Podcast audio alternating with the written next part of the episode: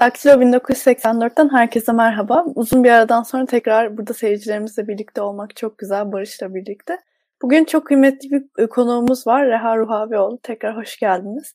Davetimizi kabul ettiğiniz için. Bu son zamanlarda Kürt seçmenin taleplerini ve son zamanlardaki olan gelişmeleri bugün Reha Bey ile konuşmak istedik. Öncelikle ben Reha Bey'e çok e, temel bir soruyla başlamak istiyorum. Kürt seçmen e, bu seçim döneminde siyasetten talepleri nedir? Teşekkür ederim iyi yayınlar davetiniz için bende. Yani Kürt seçmeni taleplerini şöyle iki ayrı şekilde tasnif edecek olursak birinci tasnif şu olabilir. Türkiye ile Türkiye'nin geneliyle ortaklaşan talepleri ve farklılaşan talepleri diye bir tasnif edebiliriz. Bir de başka bir tasnif olarak belki daha kısa vadeli e, taleplerle uzun vadeli talepler olarak koyabiliriz. Şimdi ortaklaşan talepler zaten Türkiye'nin hemen herkesi yatay kesen sorunu ekonomi. E, Türkiye'de hem hane yoğunluğu daha fazla olan hem hane geliri daha düşük olan dolayısıyla yoksullar içindeki oranı daha yüksek olan bir grup Kürtler, Kürt nüfus. E, ekonomi kötüye gittiğinde bu demografi çok daha kötü etkileniyor doğal olarak.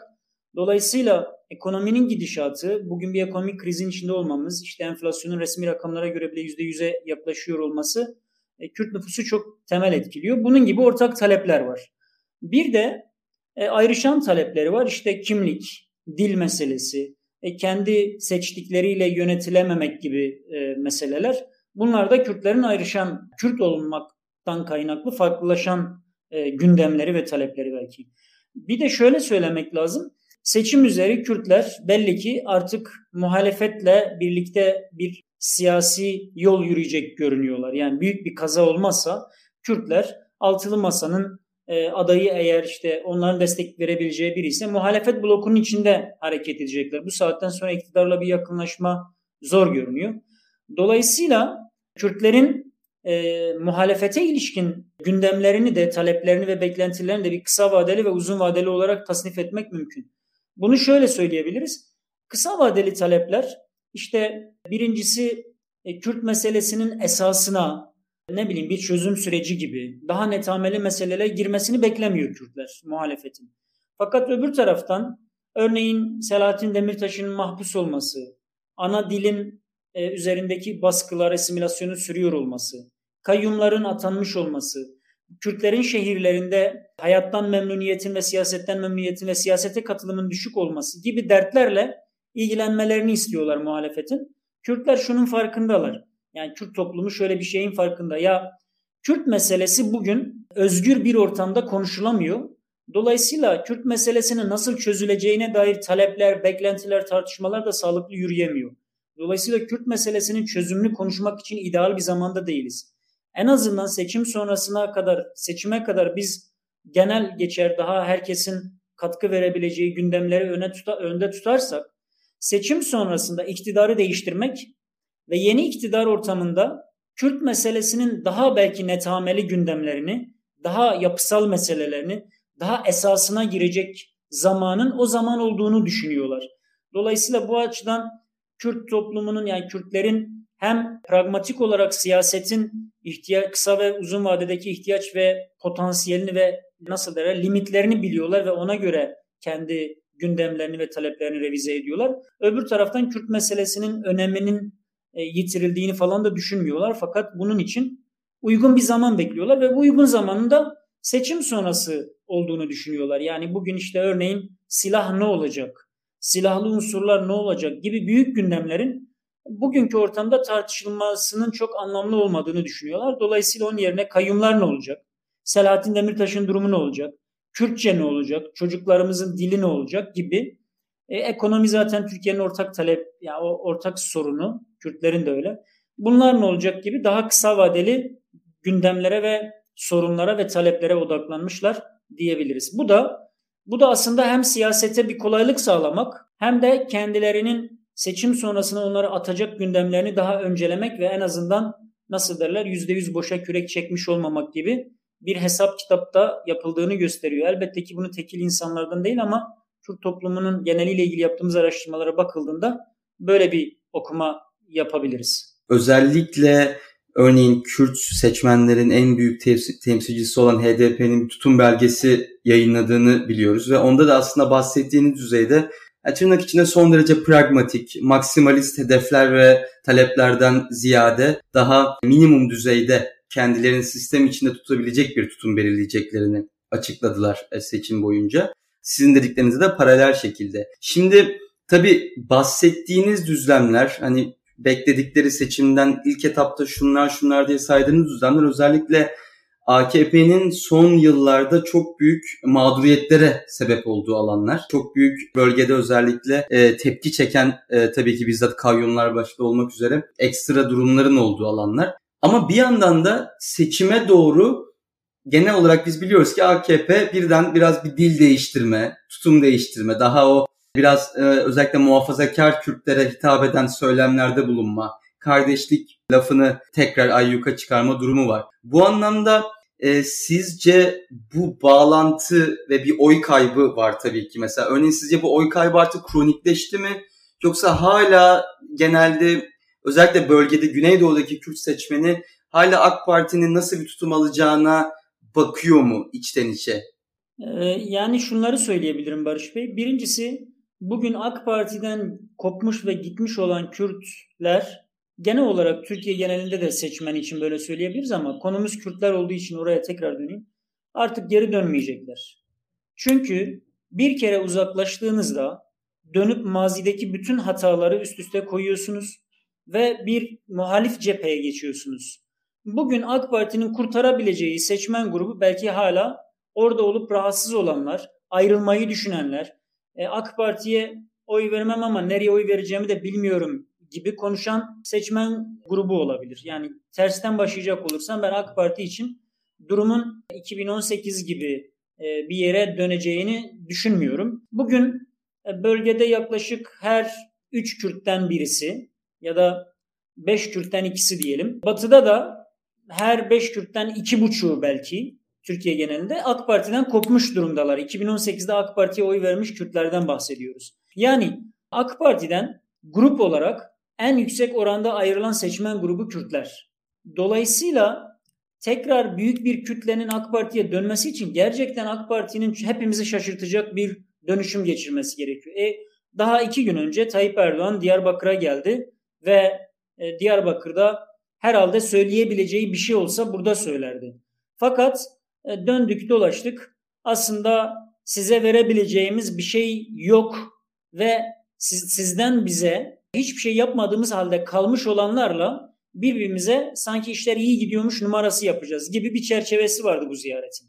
Yani Beşnolu cezaevinin kapatılmış olması ve bir Kültür Bakanlığı'na devredilmiş olmasını bir kenara koyalım. Bunun dışındaki konseptin tamamı açılışlarıyla vesairesiyle yeni bir şey söylemiyor. Bırakın yeni bir şey söyle, söylemeyi. Eskinin eski limiti yakalayamıyor. Yani eskinin e, potansiyeli koruyamıyor çok zayıf tartışmaların da yani işte Diyarbakır meydanında siz insanlara Kürtlük anlatıyorsunuz. Yani %65'in HDP'li olduğu bir şehirde HDP'nin aleyhine konuşuyorsunuz vesaire. Dolayısıyla kapsayıcılık, kuşatıcılık, başkalarına açılma falan bunlara dair bir heyecan yok. İşte bugünlerde şeyi konuşuyoruz. Tayyip Erdoğan muhalif gazetecileri de davet etmiş. Türkiye'de böyle bir heyecan dalgası var gibi. Yok böyle bir şey. Bu insanlar gidecekler, oturup dinleyecekler ve dönecekler.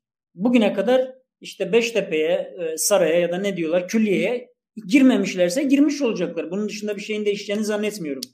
Öbür taraftan HDP ve muhalefet ilişkisine dönecek olursak o konuda da e, HDP'nin ve HDP seçmeninin doğrusu cömert davrandığını söylemek mümkün. Şeye karşı, muhalefete karşı cömert davrandığını söylemek mümkün. Neticede bugün Millet İttifakı'nı da, Cumhur İttifakı'nı da milliyetçilik domine ediyor.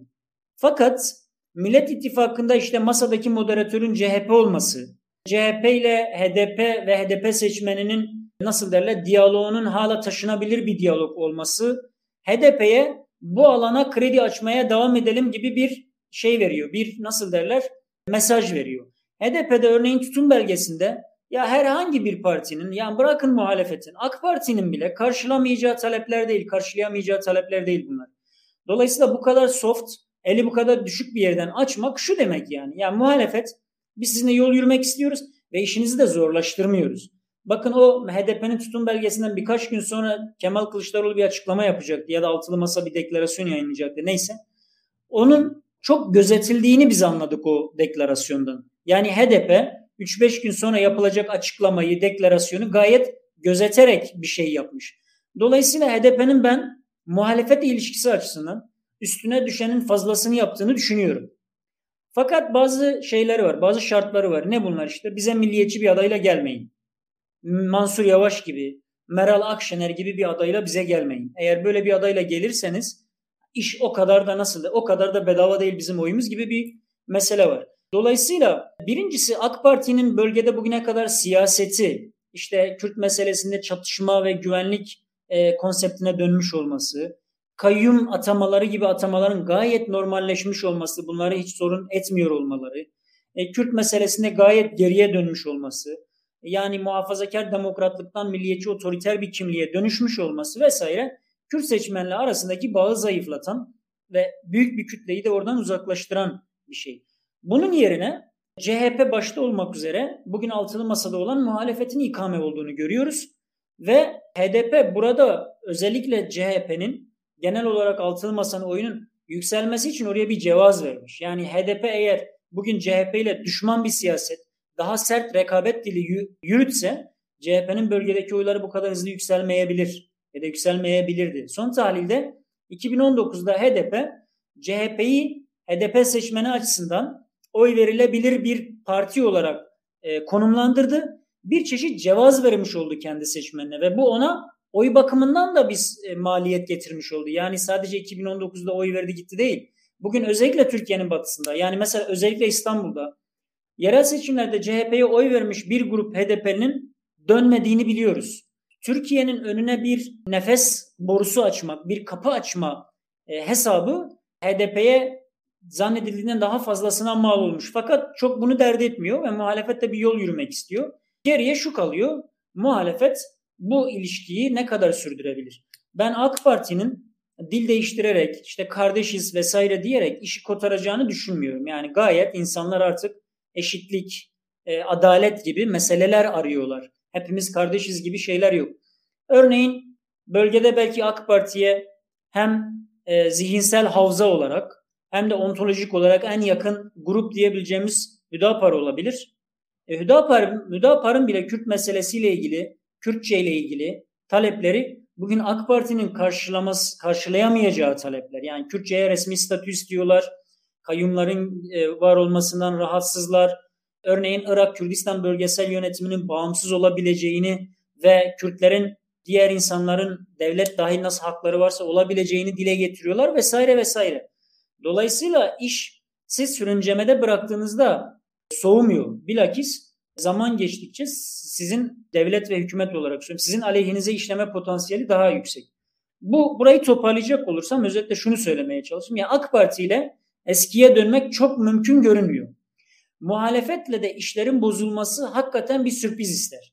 Yani daha doğrusu bir beceri ister. Beceriksizlikte bir beceri ister. %60 toplamda HDP dahi %60 olmuş bir muhalefet bloku beraber yol yürüyemeyecek ve ayrılacaklarsa ve bu sonuçta Cumhur İttifakı'nın ve özelde Erdoğan işine yarayacaksa yani bu kadar her şey müsaitken bir beceriksizlik ortaya çıkaracak bir beceri gösterilebilecekse e hepimizin valla durum böyleymiş deyip kabul edip sineye çekmesi gerekecek. Yani bundan daha fazlası olmaz. AK Parti için e, Kürtler dahil seçimi kazanmasının en zor olduğu bir eşikteyiz. Fakat muhalefet içinde en fazla mümkün olan eşikteyiz. E, bu eşikte de gerçekleşmezse yani bizim siyaset okur yazarlarının falan yapabileceği bir şey yok yani. Demek ki malzeme buymuş deyip yerimize oturacağız hakikaten.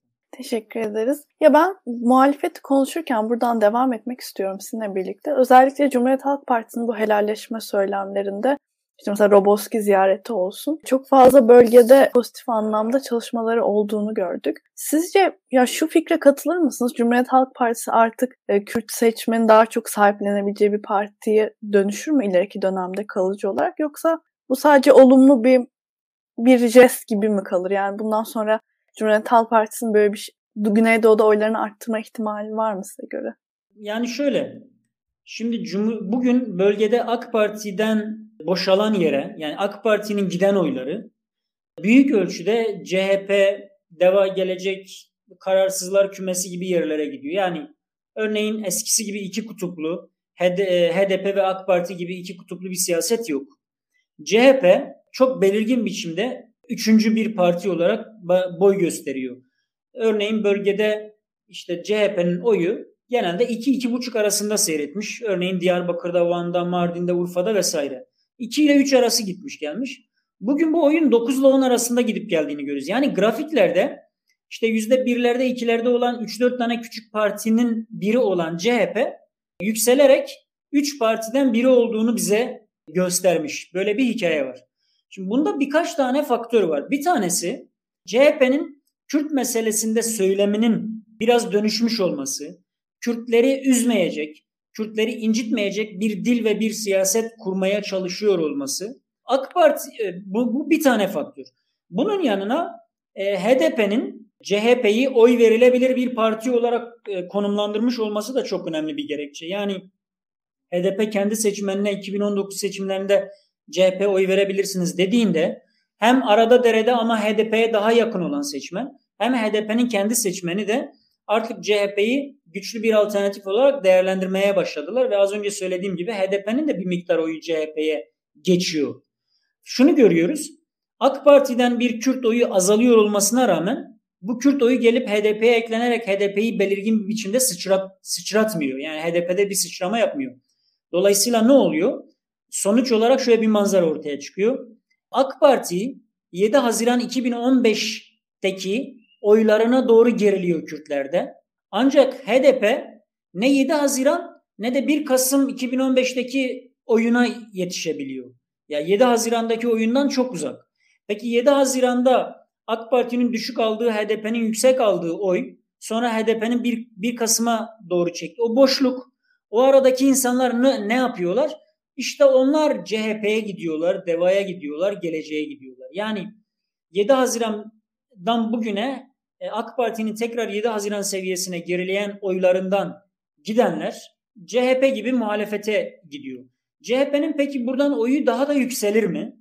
CHP'ye oy verme motivasyonlarından bir tanesi de muhalefetin içinde iktidar olma potansiyelinin en yüksek olduğu part iktidar potansiyelinin en yüksek parti olarak öne çıkması. Özür dilerim cümleyi kuramadım. Yani e, iktidara gelecek ihtimaller arasında en güçlü ihtimalin CHP olması, en büyük parçanın CHP olması. Daha merkez sağ kökenli, kendisi için Kürtlük önemli olsa da birincil meselesi olmayan Kürtler, yani AK Parti'de vesaire bugüne kadar kalabilmiş Kürtler, bir kazanacak, iktidar olacak siyasete yatırım yapmak istiyorlar. E bunun da CHP olduğunu görüyorlar. Dolayısıyla CHP'ye oy veriyorlar. CHP iktidar alternatifi olabileceğini daha güçlü gösterdikçe CHP'nin bölgedeki oyu daha fazla artabilir. Elbette ki burada şey kurguları da önemli. Seçime nasıl listelerle girilecek? Örneğin CHP Diyarbakır'da, Van'da CHP listesiyle mi girecek? Diğer partiler CHP lehine çekilecekler mi? Hepsi birbirinin rakibi mi olacak? Bütün bunlar belirleyici olacak. İşte biliyorsunuz 41 ilde kendi listeleriyle girmek ama 40 ilde de ortak listelerle girmek. Dolayısıyla Örneğin Diyarbakır'da DEVA listesiyle mi girilecek? Yani DEVA logosuyla mı girilecek seçime yoksa CHP logosuyla mı girilecek yoksa başka bir logoyla mı? İşte Van'da hakeza öyle. Bunun kendisi de elbette ki belirleyici olacak. Ama bugünden gördüğümüz AK Parti'nin sistematik bir biçimde oyunun Kürtlerde azala geldiği, CHP'nin de sistematik bir biçimde artarak yükseldiği. Dolayısıyla bu e, şey, bu ivme henüz değişmiş görünmüyor. Burada Deva gibi, Gelecek gibi, İyi Parti gibi işte Fakı Baba'nın transferi örneğin Urfa gibi yerlerde dengeyi değiştiriyor. Bu partilerin yeni hamleleri bu ivmelere nasıl etki eder? Yani CHP'nin yüksele ivmesini durdurur da kendine bir şey akıtır mı örneğin Deva, İyi Parti gibi partiler? O sonraki anlayabileceğimiz bir mesele ama bugünden gördüğümüz kadarıyla giderek AK Parti'den azalan ve CHP'de artan bir Kürt oyu var. Dolayısıyla CHP'nin potansiyeli güçlü toparlayacak olursam. AK Parti'nin ise işi zor. Deva ve Gelecek ise e, sıçrama yapmadıkları sürece iktidarın büyük payı mesela barajı geçebilecek ihtimalle ihtimali göstermedikleri sürece işleri zor görünüyor. Bu da elbette ki ortaklıklarla mümkün. Fakat şeyi yani Türkiye siyasetinde cesur yeni senaryolara çok e, imkan tanınmıyor. İşte DEVA altılı masa içinde kimlerle ittifak yapabilir gibi hep konuşuluyor. Halbuki e, yaratıcı siyaset bugün bana sorarsanız HDP'nin 12 şey 6-7 tane sol partiyle ittifak yapması elbette ki kendince bir anlamı var. Fakat yaratıcı siyaset Türkiye'de 2019'da CHP'nin desteklendiği gibi e, HDP tarafından belki HDP'nin vekil çıkaramayacağı yerlerde DEVA gibi bir partinin desteklenmesi. Böylece DEVA'nın %7 barajını e, aşacak bir şeye, bir desteğe kavuşması HDP'nin de Türkiye'ye başka bir partiyi de meclise taşımak taşımış olmak gibi yeni bir e, kapı açmış olması. Takdir edersiniz ki HDP için yani yüzde 9, 9 ile yüzde 12 çok fazla fark etmiyor sayı yani milletvekili açısından çok fazla fark etmeyecek. Şüphesiz bunlar matematik hesaplar. Ancak böyle böyle nasıl derler sarsıcı ve cesur senaryolar Türkiye siyasetinde konuşulabilse e, biz muhtemelen e, meclis aritmetiğinin çok daha hızlı değiştiği bir sonuç görebiliriz. Fakat iktidarın HDP ile ilgili olarak belirlediği bazı limitler var ve Türkiye siyaseti o limitlerin çok fazla dışına çıkabiliyor dersek e, yanlış olur. Şimdi 2015 seçimlerinde özellikle PKK'nın eylemlerini arttırması ve devamında tabii ki devletin oraya düzenlediği operasyonların ama tabii saldırılar ve o savaş ortamı ondan önce olduğu için e, o şekilde söylüyorum. Seçimin sonucunun direkt nasıl etki edebildiğini gördük. 2019'da benzer bir deney yapıldı aslında. Savaş ortamı yoktu ama mektup yoluyla. Ama orada da tam tersi bir aslında muhalefet için olumlu bir şey çıktı. Bir noktada bütün bu algıların işte HDP işte PKK söylemlerinin onlarla yan yana olmak şudur budur şeylerin ne kadar çalışmayabileceğini de gördük. İki farklı örnek gördük. E, ve İstanbul'da gayet herkes biliyordu ki HDP'nin aday göstermemesinin sebebi muhalefetin adayına yönlendirmek. Demirtaş da bunu zaten açık açık açıkladı. İşte İyi Parti, CHP ortaklığında HDP'nin oylarıyla bir aday seçildi. Şimdi örneğin Mersin'de bir saldırı oldu iki hafta önce. Bu süreçte elbette AK Parti bu noktayı elinden geldiği kadar kaşımaya çalışıyor. Çünkü biliyoruz ki kaşınca ne oluyor? O dediğiniz muhalefetin içindeki o milliyetçi damar yüzünden o HDP işte PKK'cılara kalıyor meydan. İşte o şekilde bir şekilde bir küstürme olabilir, şu olabilir, bu olabilir diye bu tekrar çalıştırılacak gibi duruyor. Daha seçime var. Özellikle yani bu genel olarak cevap verebilirsiniz ama ben şehirli Kürtlerin PKK'ya bakış açısını özellikle 90'dan sonra doğmuş genç Kürtler açısından soruyorum. Onların bu durumlara nasıl yaklaşıyorlardır acaba? Gerçekten burada bizim bir seçim sürecini engellediğimiz bir danışıklı dövüş mü oluyor şey arasında yoksa gerçekten bu milliyetçi artan dalga muhalefet içindeki de onları da e, soğutuyor mu şeyden? Genel olarak şöyle bağlayayım soruyu. Bu seçim döneminde olası PKK'nın saldırılarını arttırması durumunda biz Kürt vatandaşlarımızdan, Kürt seçmenlerden nasıl bir reaksiyon bekleyebiliriz? Şimdi soru biraz şey, komplike bir soru. Birkaç veçesi var sorunun. Birincisi Sadece gençler için söylemiyorum ama oraya da geleceğim. Yani Türkiye'de Kürtler bir, bir sosyoloji olarak değişip dönüşüyorlar. Fakat bu değişim ve dönüşümün bütün aktörler için söylüyorum e, anlaşıldığını ben düşünmüyorum. Yani bir araştırmacı olarak söylüyorum. Bizi her araştırmada şaşırtan bir sonuç çıkıyor. Bakın biz Kürt gençlerle ilgili bir araştırma yaptık. 2020 tarihli yayınlandı bu. Ve o araştırmadan önce Kürt gençlerle ilgili gerek Kürtlerde gerek Türklerde bazı ezber yargılar topladık. Bazı mitler topladık. 10 tane Kürt gençler hakkında mitler belirledik ve bu araştırmanın sonucu acaba bu mitler hakkında ne diyor diye baktık. E, Barış Bey sadece 10 tane mitin bir tanesi %100 doğruymuş. Yani Kürt gençler hakkında ezber kalıpların sadece bir tanesi %100 doğruymuş. Diğer 9'u ya tamamen ya bir miktar yanlışlanmışlar. Yanlışlandılar o araştırmada ve hala devam ediyor. Örneğin Kürt gençlerin uzlaşılabilecek son kuşak olduğu, fırtına bir gençlik olduğu.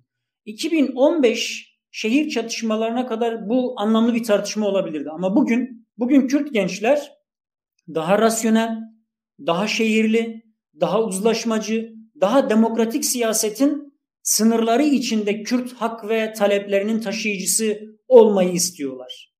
Bunun herkes tarafından ama özellikle elinde silah olanlar tarafından anlaşılması gerekiyor. Kürt gençlerden merceği bütün Kürtlere çevirecek olursam. Bugün hangi araştırmayı yapıyor olursak olalım bize Kürt toplumu şunu söylüyor. Türkiye'de Kürtlerin hak ve hür, hak ve hürriyet mücadelelerinin taşıyıcısı sivil siyaset olmalı diyor bize. Silahın özellikle 2015'ten bugüne, şehir çatışmalarından bugüne silahın Kürtlerin haklarının önünde engelleyici mi, destekleyici mi vesaire bir tar- e, nasıl bir e, etkisinin olduğu konusu buzuğa kavuşmuş görünüyor. Kürtler HDP'nin yükselişinin şehir çatışmaları başladığı için kırıldığını düşünüyorlar. Yani HDP'nin potansiyeli bugün örgütün silahlı eylemleri Türkiye'de devam ediyor diye o açığa çıkmıyor. Kabaca bunu düşünüyorlar. Ve 2015'ten bugüne örneğin Kürtler daha çok Murat Karayılan'ın ne diyeceğine bakmıyorlar. Daha çok Selahattin Demirtaş'ın ne diyeceğine bakıyorlar. Selahattin Demirtaş da bu yüzden Kürt siyasetinin bugüne kadar ortaya çıkardığı en nasıl özgün lider. Tabiri caizse örgüt tarafından sigaya çekilmesine rağmen halk desteği devam ettiği için ıskartaya çekilemeyen, tamamen tasfiye edilemeyen bir lidere dönüşüyor. Yani Selahattin Demirtaş örgüt varsa parti içinde de onu ona karşı olanların siyasetine rağmen halk dest halk nezdinde çok popüler olduğu için varlığını sürdürebilen bir lider. Böyle bir örnek yok bakın. Kürt siyasetinin tarihinde böyle bir örnek yok. Çok popüler figürler oldular. Ancak örgüt ya da başka e, aktör neyse artık bu hareket onlara kenara çekilebileceklerini ya da çekilmeleri gerektiğini söylediğinde ya da onları kenara koyduğunda onların şeyi bitti. Yani etkileri bitti. Dolayısıyla Türkiye Kürt toplumu sivil bir mücadelenin tarafında olduğunu söylüyor. Öbür taraftan iki şey söylediniz. Ya işte daha fazla yani şey si, siyaset üzerinden temsil edilmeyi mi istiyorlar? Yoksa yükselen e, Türk milliyetçiliğine karşı bir reaksiyonları da mı? İkisi de var. Bu mu yoksa bu mu değil. Hem yükselen Türk milliyetçiliğine karşı bir reaksiyon var. Bu beraberinde ne getiriyor bakın. E, Türkiye'de yaşamaktan duyulan memnuniyeti azaltıyor e, siyasete olan güveni azaltıyor. Nasıl derler? Yaşadıkları şehirlerde yani hayattan memnuniyetlerini azaltıyor. Onları politik olarak daha bilinçli politik Kürtlere dönüştürüyor. Kürt milliyetçiliğini yükseltiyor. Ama bütün bunlara rağmen, bütün bunlara rağmen e, Türkiye'nin içinde HDP'nin taşıyıcısı olduğu bir bir siyasi mücadelenin tarafında olduklarını söylüyorlar bize. Yani bugün sadece ifade özgürlüğünün üzerindeki baskılar var ve böyle söylüyorlar değil. Gerçekten böyle yani biz bunu anlamak için defalarca araştırmalar yapıyoruz ve soruyu bir öyle soruyoruz bir böyle soruyoruz. E, şunu söylemiyorum mesela Öcalan hala bu kitle için çok önemli ve kült bir lider. Örgütün kendince bir anlamı var. Fakat yani e, ben örgütle HDP karşı karşıya olsun ben de HDP'li olayım demiyorlar. Fakat bu işlerin Türkiye'de HDP üzerinden taşınması gerektiğini söylüyorlar. Öbür taraftan Türkiye toplumuna da ya biz Türkiye'lileşiyoruz diyorlar. Bakın sosyolojik olarak Türkiye'lileşiyorlar. Yani böyle bir siyaset olarak değil. HDP'nin Türkiye'lileşme siyaseti bana sorarsanız zaten e, yaşanan bir sürecin adını koyma ve onu bir siyasetin rüzgarına kaldıracına dönüştürmek. Dolayısıyla kendi açısından, açısından tutarlı ve mantıklı bir çıkış. Elbette ki buna dair kaygısı olanlara bir çeşit cevaz vermiş oldu. Yani Türkiye'li, Türkiye'lileşmeyi bir çeşit ayıp sayan Kürtlere de bir, biraz cevaz vermiş oldu. Ancak bunun bir sürecin iyi okuması ve onun üzerine HDP gibi bir projenin konumlandırılması olarak görmek lazım. Fakat öbür taraftan da Türkiye'ye şunu söylüyorlar. Ya gerçekten siz Kürtler sivil siyasetin alanında yani sivil bir mücadele veriyor olsalar bile siz Türk, Kürtlerle yaşamayı istiyor musunuz gerçekten? Yani silah sizin için bir bahane mi? Yoksa gerçekten sizin Kürtlerle yapısal, ontolojik bir meseleniz mi var? Kürdün bu soruyu kendine sorduğunda anladığı şey yok kardeş sorun sadece silah sorunu değil. Çünkü işte bakın ya Irak Kürdistan'ından ne bileyim başka yerine neresinde olursa olsun ya Türkiye'nin Japonya'daki Kürtçe seçmeli dersi engelletmek istediğini öğreniyoruz. Japonya'daki bile. Neyi? Kürtçe seçmeli dersi, üniversitedeki Kürtçe seçmeli dersi. E demek ki mesele sadece silahla ilgili bir mesele değilmiş. Yani bakın birkaç gün önce e, İttihadül Ülema HDP şey özür dilerim Hüdapar'a yakın e, din adamlarının bir buluşması oldu. E, Taliban'ın temsilcisi de geldi böyle gündem oldu falan.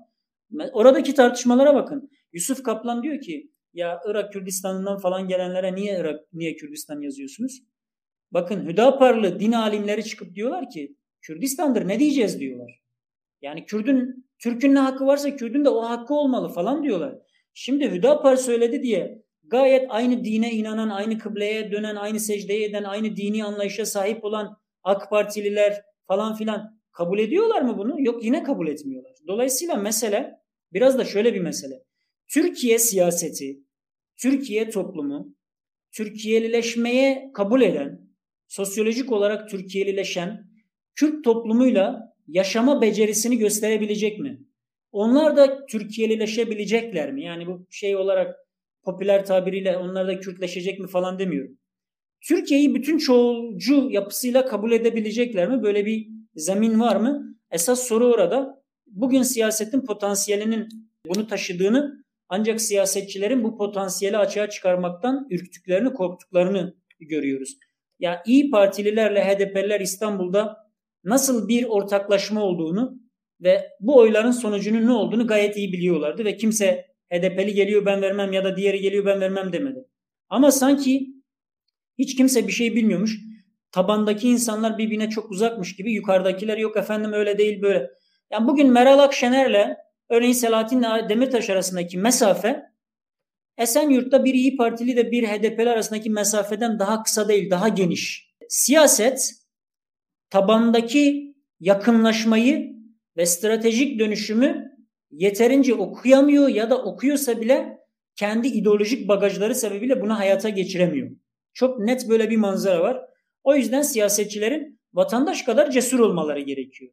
Ya bugün Türkiye'de Türkiye'nin yaklaşık yüzde kırkı belediye hizmetlerinin Kürtçe verilebilmesi, Kürt çocukların ana dilde yani Kürtçe'de çok dilli ama Kürtçenin de içinde olduğu bir eğitim alabilmelerini olumlu karşılıyorlar.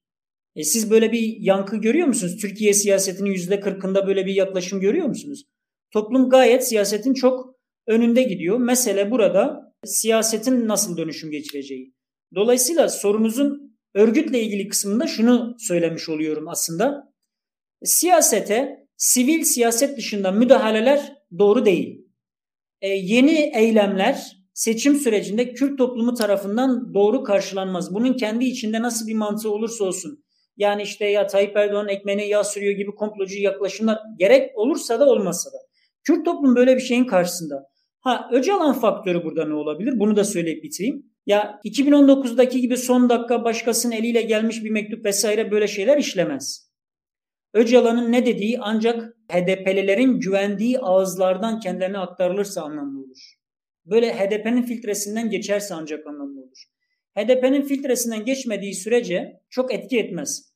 E, Öcalan'ın Erdoğan'ın ve iktidarın işine gelecek bir mesaj vermeyene kadar da toplumda konuşturulmayacağını düşünüyorum. Hala konuşturulmuyorsa HDP'li bir heyetle vesaire demek ki çok da iktidarın istediği yere gelmiş değil işler. E, yani neticede Öcalan'ın da kendince bir siyaset okuması var ve hesapları, kitapları var. E, fakat zamanında ve usulüne uygun işletilirse 2019'daki gibi bir Öcalan müdahalesi mümkün olabilir. Ne kadar etkili olur? %100 etkili olacağını düşünmüyorum. Ancak şöyle düşünün 12 puanlık HDP'nin oylarında 3-4 puanlık bir sandığa gitmeme vesaire bir etkisi olursa bile siyasetin dengelerini çok sarsar. Nasıl olur bu? Çok önceden e, bir karar verilmiş olur. Siyaset buna göre konumlanır. Millet İttifakı ile aradaki çatlaklar görmezden gelinir değil de gayet görünür ve buna tepki verilir. Bakın Mithat Sancar'dan Pervin Buldan'a İyi Parti 10 konuşuyorsa HDP bir cevap vermiyor. Yani şey yapıyor dönüp kulağını kapatıyor. Aman bunlar gündelik tartışmalar diyor. E bunları büyütebilir. Ne bileyim birinin bir yere ziyaretini vesaire bir tartışma konusu yapabilir. Yani Kürtlerin duygu, duygusunu tahrik edecek bir süreç yaşanabilir. Çok mümkün görmüyorum ancak imkansızdır da demiyorum. Bir miktarında etki edebilir. Fakat hiçbir zaman Öcalan bir mesaj gönderdi. Hadi HDP de bunu kabul etti. HDP'nin seçmenin %100'ü buna e, kabul eder. Böyle bir şey yok yani. Çünkü HDP'nin seçmeni de gayet politik ve stratejik düşünebilen bir seçmen. O kendince o gün kendi kararını vere, verecektir. Fakat böyle siyasi gelişmelerin de seçmen üzerinde bir etkisi olabilir. Nasıl kurgulandığıyla ilgili. Son olarak şunu söyleyeyim. Ya bu Mersin meselesi söyledim. Kürtler böyle şiddet eylemlerini falan artık doğru bulmuyorlar. Öbür taraftan Selahattin Demirtaş gibi bir aktör sivil siyasetin alanını örgüte karşı genişletmeye çalışıyor. Ve bu bana sorarsanız Kürt toplumunda olumlu karşılanıyor. Dolayısıyla burada sosyoloji okuması gereken, dönüşümü okuması gereken en başta silahlı grup yani silahlı aktör. Silahlı aktör bu meselenin Türkiye'de e, sivil siyaset eliyle ilerleyebileceğini ve büyüyebileceğini ve böylesinin hem Kürt toplumu hem Türkiye demokrasi için daha hayırlı, hayırlı olabileceğini bence anlamak zorunda. Ne zaman anlar, bugün mü anlar, üç gün sonra mı anlar bilmiyorum. Ama esas bunu anladığı ve sivil siyasetin alanı lehine geri çekildiğinde e, biz gerçekten Kürt siyasetinde bir genişleme ve sivil siyasetin ana aktöre dönüştüğü bir süreci görebiliriz. Bu da işleri daha kolay ve mümkün kılar diye düşünüyorum. Ya Reha Bey gerçekten çok teşekkür ederim. İnanılmaz net ve kesinlikle bir referans program oldu. Ama ek bir soru soracaktım. Onun son cümlelerinize cevapladınız aslında. Konuyu oraya bağlayacaktım ama e, Muharrem Palaz adlı dinleyicimiz de şey sormuş. Onun da sorusunu toparlayacak bir soru olduğunu düşünüyorum. Açıkladınız son cevabınızda ama şunu tekrar tekrar sormak istiyorum. Şimdi biz Mersin saldırısından sonra ne gördük? Selahattin Demirtaş çok e, itidalli bir açıklama yaptı. E, hatta bir Türkiye ile açıklaması yaptı yani tırnak içinde söyleyelim. Ve işte silahlı örgütte yakın olduğunu iddia edilen bir takım e, internet sitelerinden ya da işte onun yöneticilerinden mi artık bilmiyorum. Tepki sözleri duyduk. Parti içinden de bazı şeyler. Siz çok net bir şekilde bir araştırmacı olarak söylüyorsunuz ki Kürt seçmenin ekseriyetinde burada çünkü hepimiz endişelendik yani en azından ki acaba dedim HDP bir tamamen bir şey mi değiştiriyor? Bir çizgi mi değiştiriyor? Artık bu Türkiye'leşme olmadı, bu proje rafa kaldırılıyor, böyle bir şey elde edemedik algısı mı hakim olmaya başladı diye düşündük. Ama siz bireysel çıkışlar ya da kimilerinin böyle düşünüp düşmemesinden bağımsız olarak sosyolojik olarak artık bu yoldan zaten bir dönüşüm mümkün olmadığını, çok da bir karşılığı olmadığını iddia ediyorsunuz. E, Demirtaş karşıtı o sert çıkışların. Bunu tekrar tekrar netleştirmek için ayrıca bir sorayım istedim kapatmadan. Türkiye özellikle Kürt siyaseti bence çok tarihi kavşaklardan geçiyor. Selahattin Demirtaş Öcalan'la ilgili hatırlayın bir mesajı e, çıktı basına. İşte bu ne, ne diyorlar? Kobani yargılamasında işte Öcalan'a e, olumlayan bazı mesajları çıktı dışarıya ve herkes Demirtaş Öcalan'ı övdü falan filan gibi oldu. Demirtaş başka şeyler de söylemiş ama bir miktarı dikkat çekmiş. Ama daha ilginci Demirtaş böyle mi dedi, böyle demedi mi gibi tartışmalar oldu, haberler yapıldı. Demirtaş o sözlerine açıklık getirmek getirmeye çalıştı. Bakın bunun kendisi bile Kürt siyaseti için çok yeni bir şey. Yani siz Öcalan'ı merkeze alan, Öcalan Öcalan lehine onu merkeze alan bir şey söylemişsiniz. Dönüp Türkiye toplumuna ya sadece onu demedim ya da tam olarak öyle demedim. Biraz şöyle bir şey demek istiyorsunuz. Bunun kendisi Kürt siyasetinin sivil alanının e, özgül bir aktöre dönüşme potansiyelinin güçlendiğini gösteriyor. Selahattin Demirtaş'ın da bir sivil siyasetçi olarak yükseldiğini gösteriyor. Şimdi 2015'teki çatışmalı süreçten bugüne bu bahsettiğiniz arkadaşımızın ismini unuttum. Yorumuna kısmen katılıyorum. HDP'nin merkezi olabilecek rolünün sadece devlet tarafından ya da sadece örgüt tarafından değil, her iki aktör tarafından da HDP'nin güçlü ve önemli bir aktör olma pozisyonundan ötelendiğini, devlet ve örgüt, ordu ve e, işte silahın karşı karşıya muhatap kılındığını e, düşünüyorum. İki tarafta sadece hükümet ya da sadece örgüt değil iki tarafta bu süreçte sivil siyaseti merkeze alsalardı örneğin örgüt devletle HDP'nin muhatap olmasını kabul edip kendisi kenara çekilseydi ya da çatışmaları örgüt başlatsa bile devlet gidip örgütle muhatap olmak yerine yani örgütle doğrudan savaşı tercih etmek ve herkesi PKK'lileştirmek yerine HDP'yi merkeze alsaydı, HDP ile oturup bu meseleyi biz nasıl çözebiliriz gibi bir e, tartışma yürütseydi HDP'nin daha da büyüyeceğini ben potansiyelin ortaya çıkacağını varsayıyordum. Ama hükümet de bunu tercih etmedi. Niye tercih etmedi? İşte çok basit. 7 Haziran'da HDP yüksek oy alınca hükümet tek başına iktidar olmaktan düştü. Yani AK Parti açısından muhatabın HDP değil de örgüt olması çok daha pragmatik e, bir tercih. E bu pragmatik tercih AK Parti'nin ve devletin ve hükümet odaklarının işine yarıyor. Öbür taraftan örgüt de böyle yapıyor. Yani örgütün ne işine yarıyor bilmiyorum ama örgüt de bu muhataplığı kabul ediyor. Yani HDP'yi önemsizleştiren, daha tali bir meseleye, bir aktöre dönüştüren bir siyaset izliyor. Dolayısıyla HDP'nin bir devlet, iki örgüt, üç kendinden kaynaklı bazı sorunları var. Bugün e, Türkiye e, siyasetinin işte cesur senaryolara e, nasıl açık değiller dememin altında şu var. Ya devlet ya hükümet özelde AK Parti şeyle ilgili HDP ile ilgili bir sınır çizmiş ve sizin o sınırı taşımanıza müsaade etmiyor. Siz de o sınırların içinde kalıyorsunuz. Fakat bu sınırın böyle kalmasını destekleyen başka durumlar var. İşte örgüt örneğin bir şey yapıyor, bir eylem yapıyor vesaire. HDP'nin e, manevra alanını azalt daraltıyor. Yani muhalefetin kardeşim işte durum böyle biz yaklaşamıyoruz demesine sonuç verecek e, durumlar ortaya çıkarıyor. E, en önemlisi Selahattin Demirtaş ne dedi? Bir Türkiye'lileşeceksek vesaire hani iğneyi kendisi başkasına çuvaldızı kendimize batıralım ve Türkiye'de bu işin silahla olmayacağını düşündüğümüzü insanlara ikna edelim dedi. Yani biz böyle düşünüyoruz ama insanlar buna ikna olmuyorlar. Bunu fiiliyatımızla göstermemiz lazım dedi. E demek ki HDP'nin kendi e, kurullarından, gruplarından, yönetim organizasyonundan, e, kendisinin yapısal durumundan kaynaklı da bir mesele var. Dolayısıyla sadece iktidarı, sadece örgütü ve vesaire değil.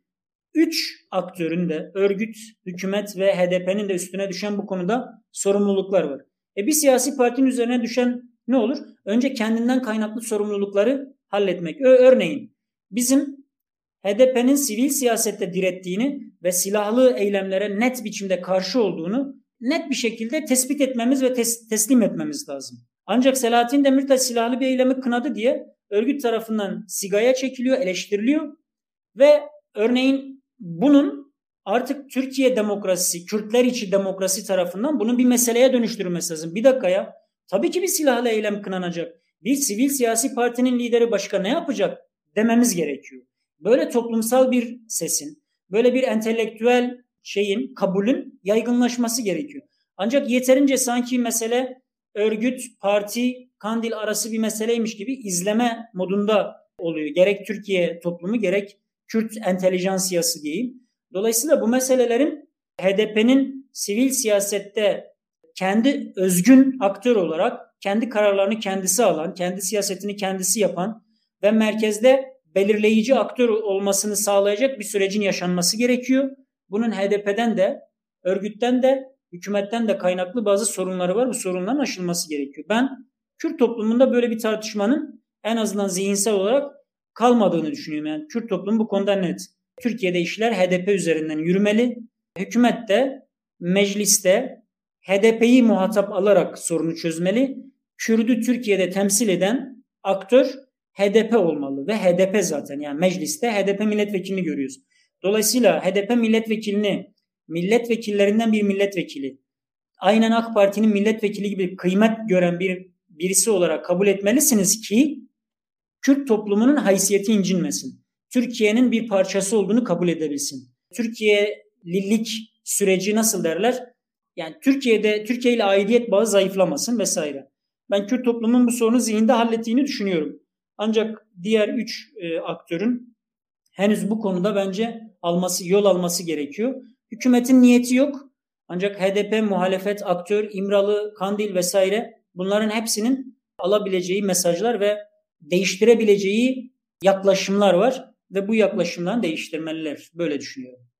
Reha Bey çok teşekkür ederiz geldiğiniz için bugün. Kendisinin de çalışmalarını yakından takip etmek isterseniz Kurdish Studies'tan sosyal medya hesaplarından takip edebilirsiniz. Tekrardan çok teşekkür ederim geldiğiniz için. Görüşmek üzere.